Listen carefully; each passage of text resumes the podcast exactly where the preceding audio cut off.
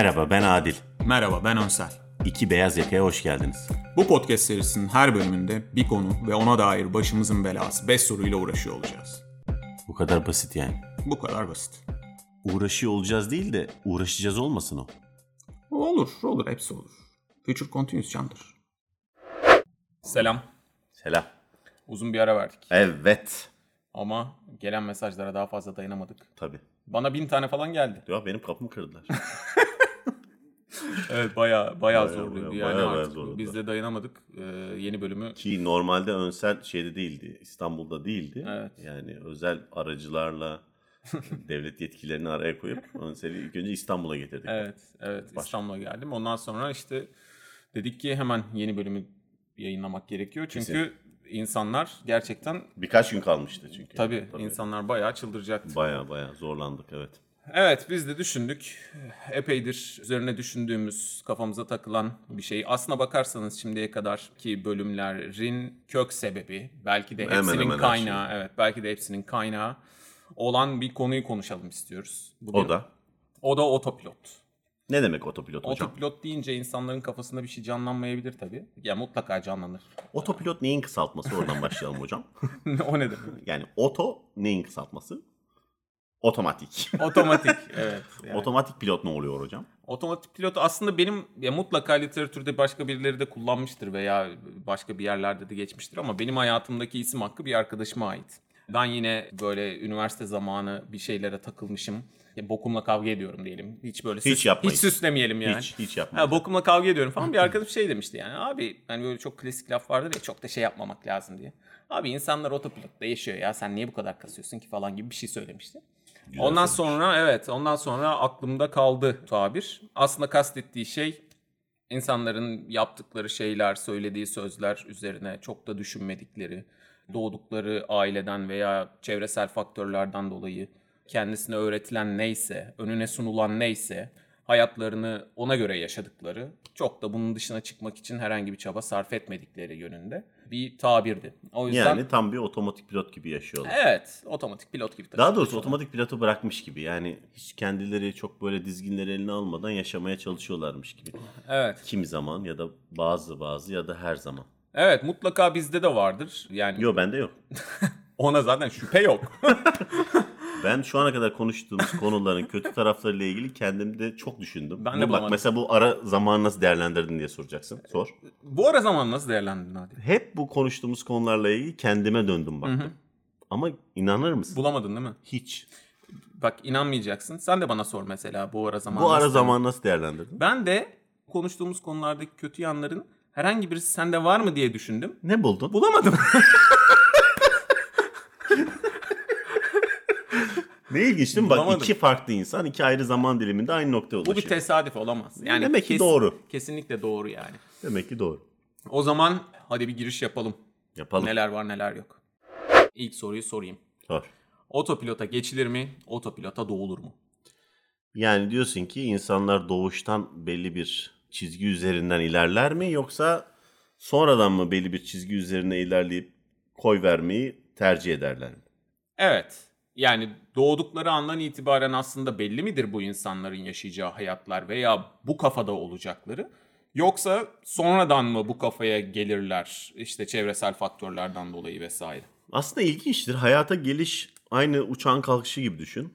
Ölümü de aynı in- e, uçağın inişi gibi düşün. Böyle düşünmem için biraz zaman ver. Düşün. Düşündüm. Tamam. Şimdi bununla tam alakası bir şey söyleyeceğim sana. yani bu otopilot kısmı insanın en az düşündüğü kısım ya. Bunu Evet. baştan bilinçle elde etme şansı yok bence. Ama e, fizyolojik olarak bazı şeyleri elbette otopilotta yapıyordur. Bunlar yeme, içme, nefes alma, işte ne bileyim cinsel ihtiyaçlar, ıvır zıvır, hormonların kattığı şeyler olabilir ama bizim konuştuğumuz otopilot daha çok şeyle ilgili ya. Davranışsal otopilotlarla ilgili ya. O yüzden bence sonradan edinilen bir şey. Senin yetiştirilme tarzınla, senin çevrendeki insanların senin üzerinde kurdukları baskıyla ya da kurmadıkları baskıyla ilgili değil mi? Bak aslında burada bir katman aşağısı var. Garip bir durum. Otopilota geçilir mi veya otopilota doğulur mu diyoruz ya. Mesela otopilota doğulur mu kısmını ele alalım. Diyelim ki öyle bir aileye doğdun ki zaten otopilotta yaşayan insanlar senin annen baban. E tamam, Tamam mı? işte. Evet. Dolayısıyla aslında sen otopilota doğuyorsun. Hmm. Tamam mı? O anlamda evet. Evet otopilota doğuyorsun ama ondan sonra otopilota geçip geçmeyeceğin nerede belirleniyor orası önemli. Şimdi burada da yine bence ikiye ayrılıyor ki burayı söylememiz lazım yoksa çok böyle garip bir yerden anlamsız bir yerden konuşuyor gibi oluruz. Yani otopilotun dışına çıkma şansı olan insanlar var. Bir de şansı olmayan insanlar var. Yani şimdi tamamen hiçbir şekilde yaşadığı düzenin dışına çıkma şansı olmayan insanlar için konuşmuyoruz zaten biz. O yüzden biz aslında bu böyle bir şansı olan ama bunun dışına çıkmayan insanlar için konuşuyoruz. O zaman senin önermen şu mu? Herkes otopilota bir şekilde doğar. Bazıları bu otopilottan çıkma şansına sahiptir, bazıları değildir. Evet doğru. Ben öyle, ben öyle düşünüyorum aynen. Ya aslında ben de çok katılıyorum ama yani şöyle bir durum var sadece. Farkındalıkla ilgili durum senin doğduğun ailenin farkındalığıyla başlıyor aslında. Evet tamam. Aynı bu zenginlik gibi. Evet Yani doğduğun aile farkındaysa sen de daha avantajlı başlıyorsun hayata. doğru. Ya da belki de dezavantajlı başlıyorsun onu da bilmiyorum. Niye? Yani çünkü otopilotta olmadığın farkında olmak iyi bir şey mi? Onu konuşuruz ama öyle ya da böyle sen en azından o çemberi kırmakla ilgili avantajlı başlıyorsun. E tabi. Çünkü senin annen baban düşünmüş bu konuları. Evet. Çünkü sana geniş zaman kipinde cümleler daha az kuruluyor. Bu böyle yapılır. Bu şöyle yapılır. Bunu böyle yapmak lazım. Mesela kendimden örnek vereyim. denmek- Ben de- hiç geniş zaman kipi, genişleme yani böyle ge- genelleme falan hiç kullanmam. bilmediğindendir. Bilmiyorum. O hiç O hayatımda kip yoktur sende yani. Hiç yok hayatımda. O yüzden de mesela benim çocuğum olsa hı. o avantajlı. Tabii. Değil mi? Tabii tabii yüzde yüz. Yani ben hiçbir şeyi genellemediğim için çocukta. Genellemeyecek diye Aynen. düşünüyorum. Ama mesela diye, diyelim ki bir çocuk düşün. Düşündüm. Düşün. Düşündüm. O çocuğun ailesinin genellediğini düşün. Bak Tamam. tamam? Şimdi bu çocuk bu genellemelerin içerisinden nasıl çıkacak? Çok güzel kısım. Zaten asıl konuşmak istediğimiz nokta bu. Eğer böyle bir şansı varsa ki bizim konuştuğumuz kısım böyle bir şansı olanlar. Yani ne demek bu? Yani sallıyorum işte büyük bir şehirde üniversite okuyabiliyorsa, e, düzgün bir eğitim alabiliyorsa, işte kafasını açacak kaynaklara erişebiliyorsa, e, bunları yapabiliyorsa yani bu imkanları varsa Artık aslında çok böyle büyük bir şehirde yaşamadan da insanlar birçok şeye erişebilirler de belki büyük şehirde yaşamanın şöyle bir avantajı olabilir. Farkındalığı fazla insanlarla çarpışıp onlar üzerinden acaba ben de Google'a şunu yazsam mı diyebilir belki bir adam ya da bir kadın. Ya tabii ki öyle ama mesela şunu demek istiyorum. Ya büyük şehri bir örnek olarak verdim ama daha çok lisede şekilleniyor ya kavramlar sana çarpmaya başlıyor. Yani lise çağında. Benim daha erkenden başladı. Ortaokul civarı. Yok sen şeyde e, tabii Ben ana rahmine düştüğümde sana Bana sormuşlar. kavram- kavram Tabii. Doğru nedir diye sormuşlar Doğru sana nedir diye falan. tabii, evet. tabii. ben Neyse. zaten rahmin duvarlarına yazdım. Matematik bilmeyen buraya giremez. Neyse, ben, konu ben değilim. Konu- Önsel, lütfen. tamam evet. tamam eyvallah. Konu sen değilsin. Evet, e, şunu demek istiyorum. Yani daha çok böyle lisede çarpıyor ya. Lisede çarpmaya başlıyor aslında kavramlar. Evet. E, yani bir şeyler hakkında düşünmeye başladığın veya işte kendini bildim bile dersin ya işte o kendini bilmenin başladığı zamanlar lise çağlarına denk geliyor diye düşünüyorum. En azından kişisel olarak. Birçok kişide, birçok kişide. Evet şimdi orada bazı kavramlar var. Herhangi bir şey olabilir. Bireysel, siyasal veya işte toplumsal herhangi bir kavram. Kıskançlık olabilir, milliyetçilik olabilir veya herhangi bir şey olabilir. O zamanlar sana çarpmaya başladıktan sonra sen lisedeki o cahil halinle zaten bu kavramlar hakkında bir şeyler düşünüp veya sana söylenileni kabul edip onu bir kutuya koyup kafanda devam ediyorsun yoluna ya. Evet çünkü Şimdi- zaten genelleme dememizin nedeni bu. Çünkü konu ne olursa olsun genellemeler, e, üsluplar, üsluplar da hayat tarzı yaratıyor ve sen o döngünün içerisinde aslında yaşaman gereken asıl şeyleri fark edemiyorsun. Evet, aynen öyle. Şimdi dolayısıyla sen o kavramları kafandaki bir kutuya koyduktan sonra hikaye burada başlıyor, otopilot hikayesi. Aslında lisede yaşanılan bu durum çok daha normal gelmiyor bana. Tamam mı? Çünkü sen zaten belli bir derinliğe inecek kapasitede değilsin. Aslında En azından çoğunluk için söylüyorum. aslında lise tam şey dönemi değil mi? Yani neyle savaştığını bilmeden ergence savaştığın dönem. Felaket bir dönem ya. Tokatlayasın geliyor. Ben Yani- kendi halimi düşünüyorum. Bokuna dönüp niye bu kahverengi dediğin dönem. Ve çok bildiğin dönem. yani. Oo, ne yazık çok ki yani. biliyorsun. Ama Allah'tan ben o arayla çok ciddi fark açtım yani Şeyle mi liseyle mi? liseyle çok. Ama Ama o farkı açmasaydın zaten çok acı verici bir durum Evet, ya. evet, ya çok ben şimdi gerçekten. düşünüyorum o zamanki düşüncelerimi, o zamanki tavırlarımı veya verdiğim tepkileri Hmm. kendimi tokatlayasım geliyor. Bu hissiyat geldiğinde de çok seviniyorum. Demek ki diyorum ki ya eyvallah. Şimdi asıl sorun şurada zaten. Hikaye de orada başlıyor. Sen bu kavramları aldın, kafanda küçük kutulara yerleştirdin. İşte diyorsun ki milliyetçilik böyle bir şeydir, kıskançlık böyle bir şeydir, işte İlişki sevgi böyle böyle, bir bir şeydir, ilişki böyle bir şeydir. Ve eğer bunu hayatın boyunca bir daha ziyaret etmiyorsan bu kavramları ya gerçekten öyle midir demiyorsan otopilotta yaşıyorsun aslında. O zaman otopilotu seçmiş oluyorsun. Evet. O yüzden de aslında sen doğduğun ortamdan eğer ki o da öyleyse doğduğum ortamı kabul ediyorsun. Tamamen öyle. Yani sana söylenileni, sana öğretileni kabul ediyorsun, koyuyorsun kafana ki bunda bir sorun yok muhtemelen. Yani normal bir davranış sanıyorum. Özellikle o yaşlar için. Ama eğer sonrasında 25-30 yaşına geldiğinde sallıyorum. Ya evet doğru kıskançlık böyle bir şeydi işte bilmem ne bu kavram şöyle bir şeydi deyip onu ziyaret etmiyorsan tekrar asıl otopilotta olduğun an burası işte. Peki birçok kişi şey diyebilir şimdi. Ya otopilot o zaman çok basit ya. Biz zaten geliştik ve birçok yol kat ettik. Bunu hepimiz yapıyoruz diyebilir değil mi? Ama öyle değil aslında. Öyle değil çünkü aslında insanların bunu söylemekteki kastı şu. Yani şimdi diyor ki mesela ben lisedeyken işte çok sinirliydim şöyle bir tepki veriyordum artık vermiyorum. Bu demek değil otopilot. Kavram üzerine düşünüp düşünmediği aslında buradaki gelişimini belirliyor. Aslında onun derinliğine inmesi bir. İkincisi orada aslında Evet. konu bitmiyor değil mi? Yani çünkü şöyle bir şey var. Sen aslında A konusunda, B konusunda, C konusunda otopilottan çıkıp artık kendi farkındalığınla yaşıyor olabilirsin ama Evet. hala atıyorum %70 oranında birçok konuya dönüp bakmadığın için oralarda otopilottasın. Tabii ki öyle. Yani şu anda konuşurken bile hissediyorum. Acaba yüzde kaçtayız? Veya Peki yani biz sen yüzde 95'tesin. Yüzde yüz de. %95 e, onu geçmiş durumdayım değil mi? Otopilot konusuna çıkmış durumdayım. Tabii ki. Yani %95 biraz beni üzdü ama olsun. Yine de benim farkında olmam iyi. Yani mesela sana diyorum ki şu gördüğün deniz ve gökyüzü çok güzel. Bu manzara çok güzel. Bu manzarayı her gördüğünde sen çok iyi hissetmelisin çünkü çok iyi bir manzaraya bakıyorsun. Evet. Bu bize öğretilmiş bir şey değil mi aslında? Evet. Yani sen denizi, gökyüzünü ve sahili aslında diğer herhangi bir doğa olayından ayırmanın nedeni sana öğretilmiş bir şey olması değil mi? Evet. Bunun farkında olarak o manzaradan keyif çıkarabilirsin yine de. Aynen öyle. Ama bunun farkında olmadan şey de diyebilirsin kendine. Ben şu an çok güzel bir şey yaşıyorum. Evet.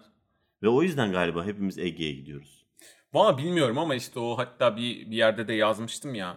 e, hani içgüdülerimiz mi bizi sürüklüyor yoksa nereden öğrendik bunu bilmiyorum ama işte gidiyoruz e, bir tatile dondurma yiyoruz. İşte mavi ev kapısı arıyoruz. Denize doğru fotoğraf çektiriyoruz. İşte sofrada fotoğraf çektiriyoruz vesaire vesaire gibi. Gerçekten şundan emin değilim. Yani kaçımız bundan gerçekten tad alarak yapıyoruz? Kaçımız bunu yapmamız gerektiği öğretildiği için bize veya onu gördüğümüz için yapıyoruz onu bilmiyorum. Aslında şeyi de bilmiyorsun. Mesela birinin otopilotta olduğunu anlamak da zor ya dışarıdan. Onu dışarıdan anlamak zor ama e, podcast'imizin ilerleyen e, dakikalarında bir testle bunu anlayacağız tabii. Evet ama şunu merak Dünyanın en ediyorum. yüzeysel Ben mesela normal ben mesela normalde gördüm mü anlarım. Biri otopilotta mı değil mi? O benim özelliğim. Benim Ta- tabii sahip ki, olduğum bir şey. tabii Ama diyelim ki diyelim ki seninle aynı tepkileri veriyor bir manzaraya, bir gördüğü Evet. kavrama, ilişkiye, yaşama. Hı hı. Yine de otopilotta olduğunu çakozlamanın en en en acayip tarafı neresi? Mesela şeyden yakalıyorum ben. Bir şeye karşı ikimiz de aynı tepki veriyoruz. Ee, o da bir şey söylüyor. Ben de bir şey söylüyorum. Üç aşağı beş yukarı aynı şeyleri söylüyoruz. Ama sonra o mekanizmada ufacık bir şey değişiyor. Hı hı. O yine aynı tepkiyi vermekte ısrar ediyor. Ben oradan çakozluyorum. Ha, mevzuyu. evet. Yani evet. her şey değişmesine rağmen genel bir kanısı var o kavramla ilgili ve o kavram ufacık değişse bile onu görmüyor. Hı hı. Yani işte atıyorum tatile gittim mesela. Deniz kenarında çok güzel bir manzaraya bakıyorsun. Sana tanınmış bir haftalık, iki haftalık tatilin herhangi bir yerinde çok güzel bir manzara izliyorsun. Manzaranın önünde bir yerde bir çocuk yerde çöpleri topluyor. Ama sen manzaraya bakıp ya iyi ki geldik oğlum tatil bana çok yaradı diyorsun. Hı hı. Bense o çocuğa takılıyorum. Evet. Yani tam o anda belli oluyor hikaye. Tam o anda senin aslında o kavramı sorgulayıp sorgulamadığın orada devreye giriyor. Ya Evet. da ufacık bir olay oluyor orada. e, seni o şeyden çemberden çıkartması gereken. Ama sen o çemberden çıkmıyorsun ve çevrendeki herkes sana diyor ki ya ne var ki bunda? Evet tabii ki. Suçlu sen oluyorsun zaten. Orası ayrı. Oyun bozan da sen oluyorsun. Mesela şey de çok ilginç geliyor bana. Güneş batışı mesela. Hani söylediğin de aklıma geldi. Güneş batışı izlemek diye bir şey var ya. Evet. Bence hiçbir olayı yok tamam mı? Aslında bakarsan Ama ben de olay yok. sürükleniyorum mesela. Yani ben de aslında aa burada çok iyi güneş batarmış. Hadi buraya gidelim diyorum mesela tamam? Bu da benim işte o, o anlamda otopilotta olduğumu gösteriyor. E, oraya gidiyorum ve sonra kendi kendime şunu diyorum.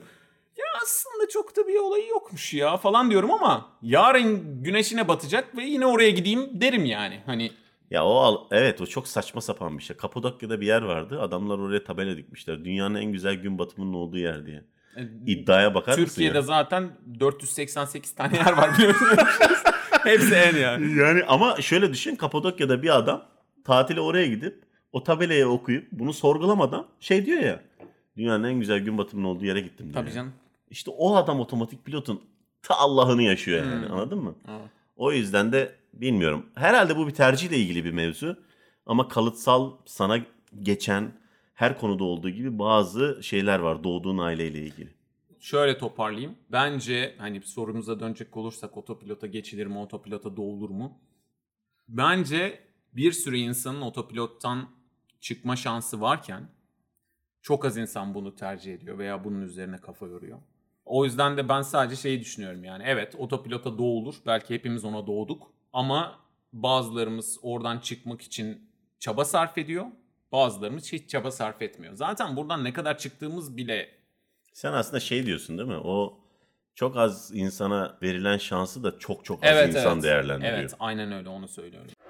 Biriyle karşılaştım ve onun hayatı otomatik pilotta yaşadığını, hiçbir kavramı sorgulamadığını, hayatıyla ilgili asli olan birçok şeyi sorgulamadığını fark ettim.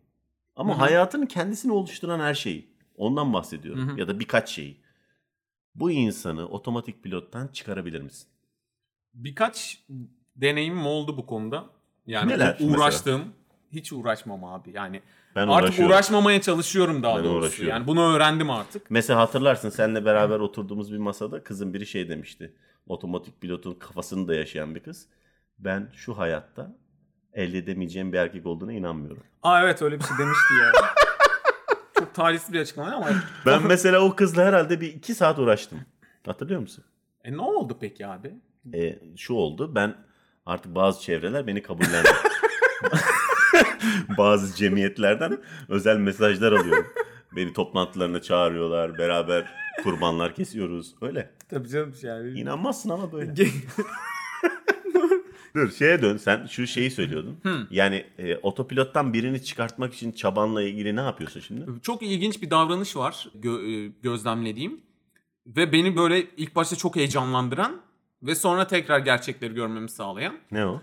Hepsi çıkacakmış ve çıkıyormuş gibi gözüküyor. Evet. evet evet. ya evet ya. Umut veriyorlar Evet sana. evet tamam mı? Birini yani otopilottan çıkarabileceğine inanıyor musun bu durumda? Ben inanmıyorum ya. Yok. Hiç yapabildin mi? Ben hiç yapamadım Hmm, mesela. Dur bakayım. Ben hiç yapamadım. Ben ya hayatına kadar- katkı sağladığım, e, o anlamda katkı sağladığım insan Ya. oldu ama ya otopilottan çıkardım diyemem. Yok, ben de katkı sağladığım konusunda da çok emin değilim. Evet bu arada şunu da söylemek lazım tabii. Kendimizi bir yere konumlandırmış gibi gözüküyoruz ki Yo, konumlandırıyoruz. aslında ben bunu da hayatta yaptığım Hayır. söylenemez. bir şey de söylemek Hayır. isterim. Hiçbir konuda da otopilotta olduğuma inanmıyorum. Olanlarla ilgili... Hayır ya kendimizi bir yere konumlandırıyoruz. Bu şu demek değil yani biz de kim bilir yüzde kaçtayız. Biz de kim bilir neler konusunda otopilottayız ve ne insanlar var dünyada bu konuda çok daha derinlere inen. ben ona %100 katılıyorum. Keşke Biz birileri... sadece kendimizi referans noktası, gözlemci noktasına koyup başka insanlar için konuşuyoruz. Tabii canım Dolayısıyla- bizim insanları boklamak gibi bir amacımız. Şu podcast'in Yok başından amacımız, beri olmaz. öyle bir amacımız var. Ha, benim var ama Ha senin yani, bilemem. Hani dinleyen şunu demesin yani. Ya bunlar ne ki falan filan demesin. Kendimizi referans alıyoruz Dinleyeni yani. umursamıyorum. Ama sana şunu söyleyeyim. Keşke keşke birileri keşke birileri gelse de bizim bu atıyorum %70-80'lere varan kavram karmaşası içerisindeki otopilotluğumuza çare olsa. Çevrede bu tip gerçekten kavramsal karşındakinin yerine kendini koyup empatiyle ona yaklaşıp onun yapabilecekleri hakkında kafa açan kaç kişi tanıyorsun? Ya da bunların oranı yüzde kaç? Yüzde sorunca götüm geliyor aklıma. Peki o zaman dedik ki işte bazıları otopilotta bize göre bazıları değil falan. Ee, şeyi konuşalım. Otopilotta yaşamanın avantajları dezavantajları ne? Bana sorarsan hiçbir dezavantajı yok. Yani evet ben de çok kısa bir cevap verecektim buna. Yani bunu konuştuğumuz şeyler bizim bence kendi kendimizi yok etmek için e, bitmeyen o sonsuz arayışın içerisine sokmak için yaptığımız, kendimize yaptığımız en büyük zulüm. Hı hı. Eğer otopilottaysan çevrende de benim gibi, senin gibi seni otopilottan çekip çıkartmak için uğraşan, didinen insanlar yoksa ki muhtemelen yok. Hı hı. Ve otopilottaysan çok iyisin ya. Hiç gerek yok. Zaten hiçbir şey sorgulamana da gerek yok. Hı hı. Ee, bu dünya sana kötü davranıyordur. Çevrendeki herkes sana düşmandır. Tabii ki öyle. Ee, hayatına giren insanlar seni kullanıyordur. Tabii. İlişkilerinde her zaman haklı sensindir. Tabii. İş, özel yaşam dengesinde oluşabilecek tüm sorunlar senin dışındaki çemberden yapılıyordur. Tabii. Sen dünyanın en mutlu insanısın ya. Zaten bir önceki soruya ufak bir dönüş atayım. Ne gerek var bir insanı kurtarmaya? Ne gerek var onu hiç olmadığı, hiç Bulaşmak istemediği. bir alemin içerisine sokup Evet. yok edesin? O da bir muhtemelen bizim egomuzdan falan kaynaklanıyordur ya. Olabilir, düşünüyorum. olabilir, Hı. olabilir. Bende ego yok ama. yani sebebini bilmediğin bir şekilde bir arayışa başlıyorsun. Aslında ilk sorunun cevabının içerisinde de şunu konuşmak lazımdı. Ee, otopilotta olanlar için oraya doğuyorsun ya da oraya bir şekilde entegre oluyorsun ama hiçbir şekilde bu otopilot kurgusunun içine giremeyenler için bu bir cehennem. Evet bence de öyle. Cehennem ya. Yani ne gerek var ya? Yani Ben ye- de- yediğin tatlıdan, içtiğin sudan keyif alamaz hale geliyorsun yani. Ben de o kısa cevap verecektim aslında yani. Hani e, yani ne dezavantajı olabilir ki? Yani ne gerek var? Ya geneline toplamına baktığın zaman hiçbir dezavantajı olduğunu düşünmüyorum. Yok ben de düşünmüyorum. Ama hani işte Sokrates şey demiş ya. Hani sorgulanmamış bir yaşam yaşam değildir. Sokrates'in ağzının yüzünü kırarım. Hiç gerek yok ya. Bir kere sorgulamaya başladığın zaman zaten hayat çekilmez bir hal alıyor. Hı hı. Yani ama şu bir gerçek. Maymun gözünü açtığı zaman kapatamıyor. Zaten istiyoruz ki biz bir boka düştük. Öyle ya da böyle. Genetik ya da sonradan bilmiyorum. Çok da iyi bir yerde olduğumuzu da söyleyemem sorgulama açısından. Ama istiyoruz ki herkes aynı boktan yesin. Evet. Ve birçok insan diyor ki kardeş ben böyle iyiyim. Kasmaya gerek yok ki yani. No problem ya. O adam mutluysa, o kadın mutluysa mutlu zaten. Ya bütün yollar Roma gibi şeye çıkmıyor mu ya? Çok da şey yapmamak lazım. Çok da şey etmemek lazım. Aynen öyle. Ama şöyle bir durum var. Sıkıntı şurada. Otopilottaki biri, otopilottaki biriyle karşılaştığı zaman Hı hı. sorun oluyor mu? Hiç. Hiç. Neredeyse hiç. Eğer çok aykırı tornalardan çıkmadılarsa sorun olmuyor. Ya tabii. bu toplumda ya da bu coğrafyada belli şehirlerde belli sosyoekonomik durumlardaki Evet. otopilotlar karşılaştığında sorun olmuyor onlar için. Tabii tabii. Diğer soru şu. Peki madem insanlar otopilotta, Tamam. madem sen insan evladı, Evet. Adem oğlu diyorsun ki ben manueldeyim. Her Hı. şeyle ilgili değil tabii ama Ben birçok demiyorum onu sen diyorsun. Yok oğlum. senin iddian bu. Başından konuşalım mı? Sen, sen diyorsun ki madem sen böyle olduğunu iddia ediyorsun. O zaman Evet. bir şey soracağım. Biz ne yapmalıyız? Ne, ne olmasını istiyoruz? Yani insanların nasıl davranmasını istiyoruz? Ben şöyle bir örnekle cevap vereyim sana. Lütfen. Bir gün Pokut'tayım. Pokut neresi oluyor hocam? Pokut yaylasındayım. Rize'de mükemmel böyle bulutların üzerinde bir yayla. Senaryo çalışıyoruz. Tamam? Çok gereksiz. Şimdi evet. o, orada senaryo çalışırken bir grup vardı. Böyle genel çoğunlukla işte 40-50 yaşlarında kadınların toplandığı, başlarında da bir tane tırnak içerisinde hocaların olduğu Hı hı. bir grup. E, Bunlar daha çok nefes terapisi falan yapıyorlardı. Evet. Ama bir yandan da şey de vardı işte böyle çok ilginç replikler falan da duydum yani. Hani işte Neydi? evet o enerji içinde olacak. O enerjilerin çarpışmasıyla sürtünmeden dolayı ateş çıkacak falan gibi şeyler duydum. Bayağı fiziksel. Ben bayağı irkildim falan ama yani uzaktan böyle şey yapıyorum, seyrediyorum. Neyse. Sonra işte biz çalışmaya devam ederken yukarıdan yukarıda böyle bir montlarını falan salladılar. Garip sesler çıkararak terapiler yaptılar. Sonra bir tane kadın geldi işte aşağı kadar. İşte hocaları da geldi başlarında. Hı. Kadın dedi ki hocasına, hocam dedi, Bu tonlamadan iyi bir şeyin gelmediğini anlıyorum. Bak ya hocam dedi. Şimdi söylesen inanmazlar dedi. Bak normal bir şeye de koyuyor. bir önseli veriyor önceden. bir şey, önden. aynen bir, bir şeyi de oturtuyor yani. Tamam mı? Söylesen inanmazlar dedi. Dün dedi gökyüzüne bakıyordum dedi. Bir yıldız kaysa dedim dedi. Yıldız kaydı dedi. Hocası da dedi ki ya ya dedi. Evet böyle hani hani o evrenin muhtarıymış da zaten kayacak sen istiyorsan falan der gibi. Bu örnekten yola çıkarak abi böyle insan olmasını istiyorum ben. Hani ne Çok şey- olmasını çok- istiyoruz Çok, mi? şey istiyorsun. Ya bu olmasın mesela. Yani biraz daha aklımızın yettiğince zaten o kadar yapabiliriz. Ama aklımızın yettiğince yeni konu düşünelim. Şu orta çağ karanlığından bir çıkalım.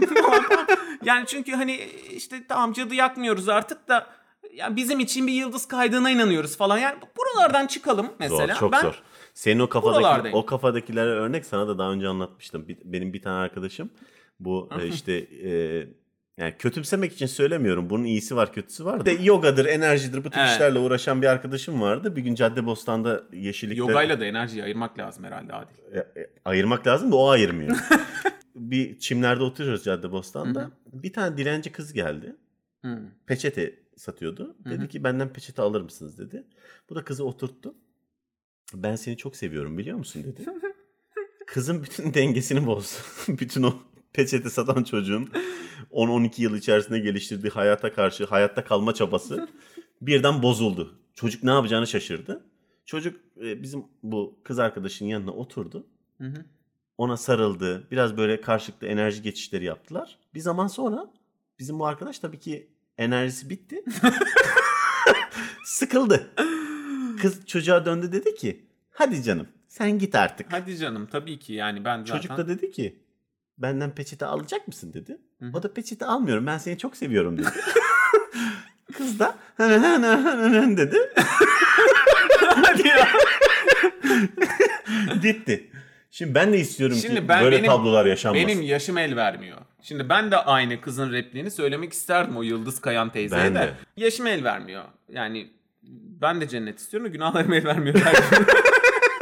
Ya en azından şu olsun. En azından ya bu kadar basit, hayata bu kadar rasyonel bir şekilde toprağa basan acıların ya da mutlulukların içinde bu kadar saçmalamasınlar. Yani ne bileyim bir çocuğun hayatıyla oynamayı bile o egolarından katılan yerden kavramlardan sorgulamadan yapmasınlar. Hı. Ya da yani koca devran evrenin herhangi bir yerinde bir tane göktaşının atmosfere girmesini kendisinden kaynaklanacak bir şeymiş gibi sanmasınlar ya. Başın ağrıyor Google'a giriyorsun. Saatlerce arama yapıyorsun nedir bu diye. Hı hı. Ya ama biriyle karşılaşıyorsun sana bir şey söylüyor. Senden farklı. Onu gidip araştırmıyorsun. Umurunda bile olmuyor. Diyorsun ki ben haklıyım ya. Ulan bari onu da gir araştır. De ki ulan burada acaba bu adamın ya da kadının söylediği ne acaba bana dokunabilir Ama atladığım bir nokta var işte. Dedin ya başın ağrıyor. Yani bana dokunuyor. O Evet, kadar abi. evet, evet. Yani bana dokunuyor işte. O yüzden araştırıyorum. Zaten hikaye oradan Evet. başlıyor. Sana dokunduğunu hissettiğin anda aramaya başlıyorsun. Aynen. Dinleyenler de muhtemelen diyordur. Ya arkadaş bir şeyler anlatıyorsunuz siz otopilot falan filan eyvallah. Peki yanıp tutuşuyordur hatta bu soruyu. Tabii tabii şu an dinleyenlerin Tabii. büyük bir kısmının yanıp tutuştuğunu Peki görebiliyorum. acaba ben otopilotta mıyım? Bunu insanlar anlayabilir mi otopilotta olup olmadığını? Dünyanın en yüzeysel testiyle ki bu konuda bu konuda ödül verilse bak en azından ilk 5'e kalırız. Dünyanın en yüzeysel testiyle şu anda size otopilotta olup olmadığınızı anlatacağız. Yani bunu nasıl yapacağız? 5 tane soru soracağız. 5 tane soru soracağız. Bu 5 sorunun her biri 20 puan değerinde. Evet. Değil mi? Toplamda 100 üzerinden kaç otopilotta olduğunuzu göreceksin. Tamam. İlk soruyu sen sor o zaman. İlk soru. Ee, Kadınsan tight giyer misin? Erkeksen son dönemde sakal bıraktın mı? Bu nasıl bir otopilot sorusu? Ya bu şöyle bir otopilot sorusu. Ya şimdi bu tight meselesi mesela çok ilginç. Kavramlar dediğimiz bu mu ya? Tabii. Abi biz yani kaç dakikadır konuşuyoruz. Benim kavramdan kastım sen gerçekten kıskançlık falan mı anladın? Ben tight'tan bahsediyorum. Ya şöyle bir durum. Şimdi bu tight meselesi 90'larda inanılmaz biliyorsun yaygın bir şeydi. Ve sonra insanlar hani hepiniz oradaydınız lan muhabbet var ya. Hani insanlar hiç bunu giymemiş gibi bir Vazgeçtiler. yıllarca bununla bir dalga geçtiler ya. Aynen. Şimdi herkes tight giyiyor ya. Evet. Ben de onu düşündüm. Acaba yani bu moda denilen şey tamamen ed- seni edilgen yapıyor ve birilerinin sana dayattığını hiç sorgulamadan işte 10 sene önce giysen dalga geçilecek bir hale gelirken şimdi giydiğinde hiçbir sorun yoksa veya sen dalga geçmiyorsan Acaba tight giyiyor musun şu anda? Yoksa hala o 10 sene önce, 15 sene önce dalga geçen insan mısın? Ama kadınların tight'la ilintisi bu dönemde çok arttı ya. Evet. Ben mesela e, şu an e, bir erkek olarak bu moda olsa, tight moda olsa, tight giyer misin? Ne moda olsa mı? Moda olsa yani sokakta herkes tight giyiyor İşte bir olsa er- erkekler. Erkekler giyiyor Erkeklerin olsa. hepsi tight giyiyor. Öyle düşün. Öyle bir çağ yaşıyoruz. Yıl 2030 tight erkekler için moda olmuş. Ya benim böyle şeyleri reddetmişliğim tarihimde vardır. O yüzden bu konuda kendime güveniyorum. Giymem. Ben giyerim. Vallahi? Eyvah. tamam Eyvah. erkekler kısmına geçelim. Erkekler de Erkeklerde son dönemde sakal bıraktın mı muhabbet var. Önceden de çıkıyordu sakalın arkadaş. Ama sen son dönemde bırakmayı tercih ettin. Neden? Çünkü insanlar bırakıyordu. Çünkü- Yine aynı moda ve trend muhabbetine geliyor. Dolayısıyla bu, eğer bu soruya evet cevabını veriyorsanız 20, 20, puanı puan kaptınız. kazandınız. Yani, Mesela yani diriliş sakalsanız ya da göte kazaksız tightsanız evet 20 puanı kaptınız. 20 puanı kaptınız. Yani Evet. sen mesela aldın mı buradan puan? Ben buradan puan almadım. Çünkü sakal bana yakışmıyor. Tight'tan almışsın Tight'ta diye giyemiyorum. Neyse evet ben burada sakaldan puan aldım mesela. 20 puan otopilota işledi benim. tamam ikinci soru testin ikinci sorusu benden. Tamam. Hiç ya şu cahillerin dinlediği müziğe bak dedin mi? İçinden geçtim. Bu da aslında Yani, tamamen aslında trendle ilgili bir şey. Bir dönem arabesk inanılmaz e, aşağı seviye müzik olarak görülüyordu.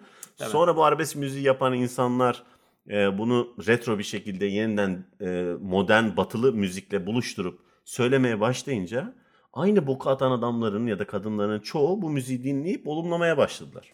Öyle yani ne bileyim yaşla da alakalı olabilir bilmiyorum ama e, zamanında şey çok yapmışlığım vardır yani. Ya bu müzik mi falan böyle, böyle bir çok bir En cahilce boktan zamanı yine o lise dönemine geliyor. lise, ve, üniversite, başı. yani. O Evet. cahilce Çünkü- insanları dinlediği müzikten kategorize etme falan felaket. Bayağı rezil bir yer yani orası ama oralardan geçtim evet. Yani o, O zaman buradan 20 puanı kaptın mı? buradan kaptım ben 40 oldum yani zaten. Çünkü şeyi sorgulamadın değil mi? İki Yani benim dinlediğim oldu. müziğin diğer bir müziğe aslında bir avantajı ya da dezavantajı yok. Ben bunu seviyorum, o onu seviyor. Ya tabii ki öyle. Sadece işte yine otopilotla bunun alakası şu. Sana birileri diyor ki yani veya sen öyle algılıyorsun. Ha benim dinlemem gereken müzik bu galiba falan diyorsun. Onu dinliyorsun. Aynen o kadar. Ya bu basit. demek değil ki o dinlediğim müzikleri sevmedim. Şöyle bir yanlış var orada zaten. Evet o müziği dinlemen de hiçbir sakınca yok zaten ki ben hala o dinlediğim şarkıları dinliyorum ve çok seviyorum ama buradaki en büyük hata şu. Yani tamam sana bir şey sunuldu veya bir kapı açıldı ve sen o kapıdan içeri girdiğin zaman orayı sevdin. Ama başka kapılara giden insanları Niye kötümsüyorsun? niye kötümsüyorsun? Aynen, Yani aynen, O doğru. çok saçma bir tavır. Ben yine bir kırklık oldum herhalde iki zarla. Sen iki soruda 40 puan oldun. Evet. Peki üçüncü soru? Ha, üçüncü soruyu ben çok seviyorum ya bu konuyu. E, Herkesin başına gelmiştir özellikle araba kullanan insanların. Bir ışıkta durduğunuzda falan hani çocuklar peçete satmaya gelir ya veya işte bir yerde otururken falan çocuklar peçete satar. Gelirsin ve işte ondan peçeteyi almazsın falan ya. Yani bazen alırsın bazen almazsın veya ne bileyim. Şimdi orada şu rep, repliği duyuyorum mesela bir sürü insandan ve bayılıyorum ona yani. İşte şey diyor mesela yani çocuğu gönderiyor tamam mı? Ve sonra şunu açıklıyor sana. Sen hiçbir şey söylemiyorsun mesela. Niye almadın demiyorsun. tamam mı? Yani eyvallah niye almadın falan demiyorsun. Diyor ki yani ben neden almıyorum biliyor musun? Yani alınca işte onların aileleri onları çalıştırıyor. Ve işte onlara para gidiyor. Dolayısıyla çocuklar böyle çalışmaya devam edecek. Ben ondan almıyorum falan diyor. ya şimdi bu doğru bir bakış açısı olabilir. Buradaki Ama- sıkıntı ne peki? Buradaki Sıkıntı- sıkıntı şu. Bu doğru bir bakış açısı. Ama bu bakış açısına sahipsen zaten bunu açıklamıyorsun. Aynen öyle. mi? Çünkü kafanda şu soru işareti olmuyor o zaman. Evet.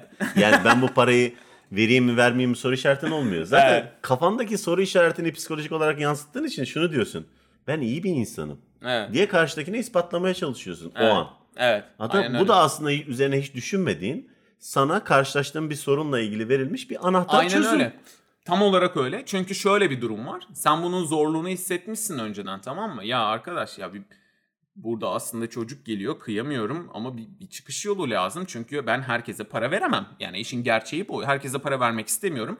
Ve bunun için birileri tamam senin imdadına yetişmiş. Bir cümle şahit Aynen etmişsin. öyle. O iki o düşünce kol kola girip gelmiş senin beyninin içine yerleşmiş. Aa çok güzel fikir lan. Ben evet. bu cümleyi duyduğumda çok sevinmiştim biliyor musun? Benim birçok dertten kurtarmıştı valla. mi? Bir süre sırf bu cümleyle yaşadım ben. sırf bu cümleyle yırttığım kaç tane kırmızı ışık var sana anlatamam yani.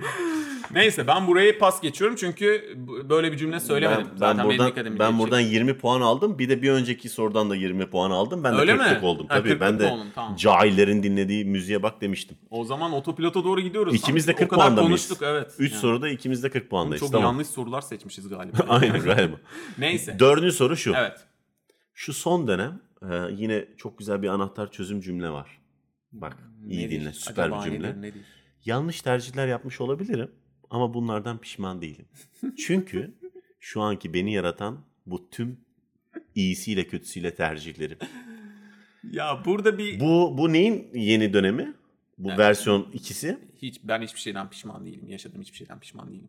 Neden? Hepsi bana bir şey öğretti falan. Aynen. Bu onun yeni versiyonu. Yeni Şimdi versiyonu. bunu ünlülere soruyorlar. Bu artık halka da geçmeye başladı. Hmm. Birine diyorsun ki ya arkadaş şöyle şöyle şeyler yaşadığın zamanda filan böyle sıkıntılar oldu falan filan diyorsun. Adam diyor ki ya diyor ki ben iyi ki o gün onları yapmışım. Şu an olduğum yerden baktığımda o yaptığım bugünkü beni yarattı.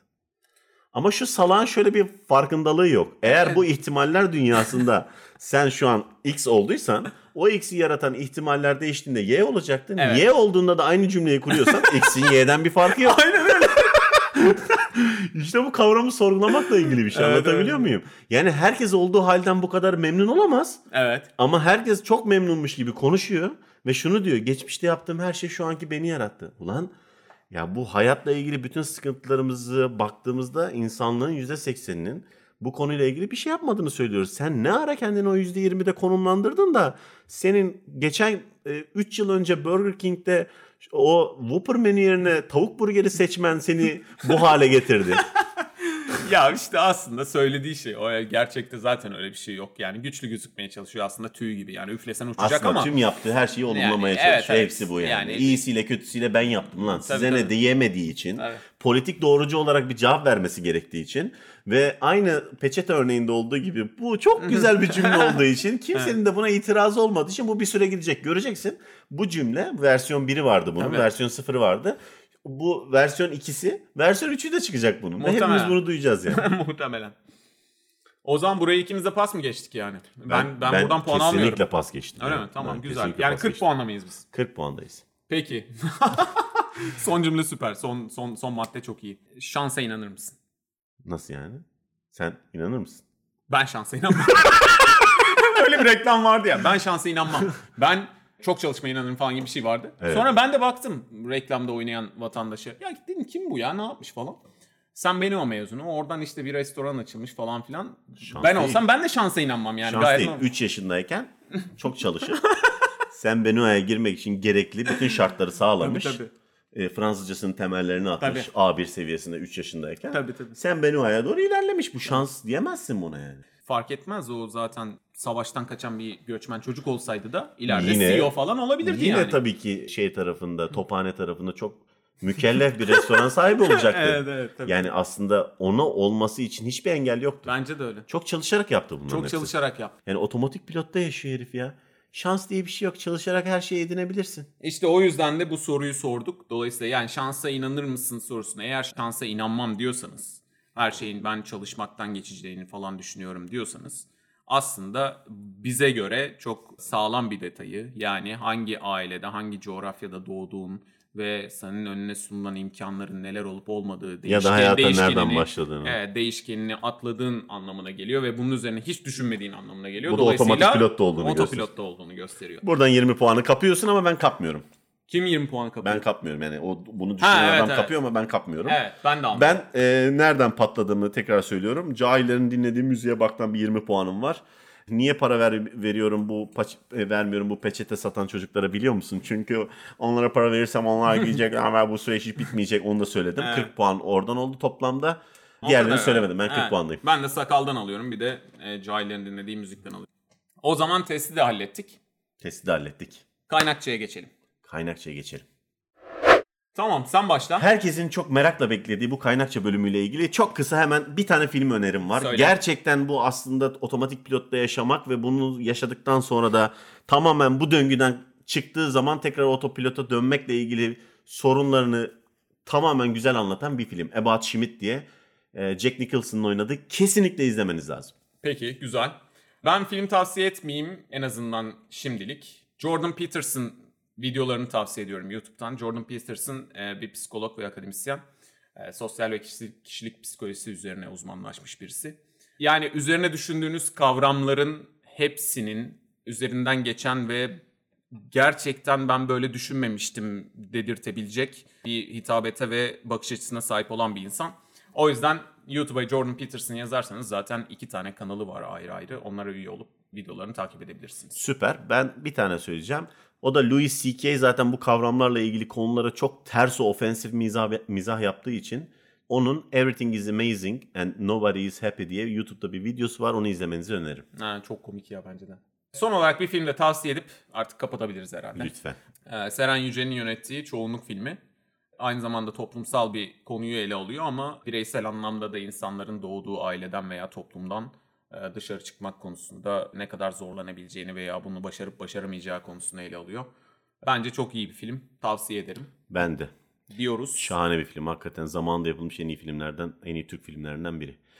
O halde kapatıyoruz. Kapatıyoruz. Bu kadar ara olmamak üzere bir daha buluşmak üzere. Umuyoruz ve görüşürüz. Görüşürüz.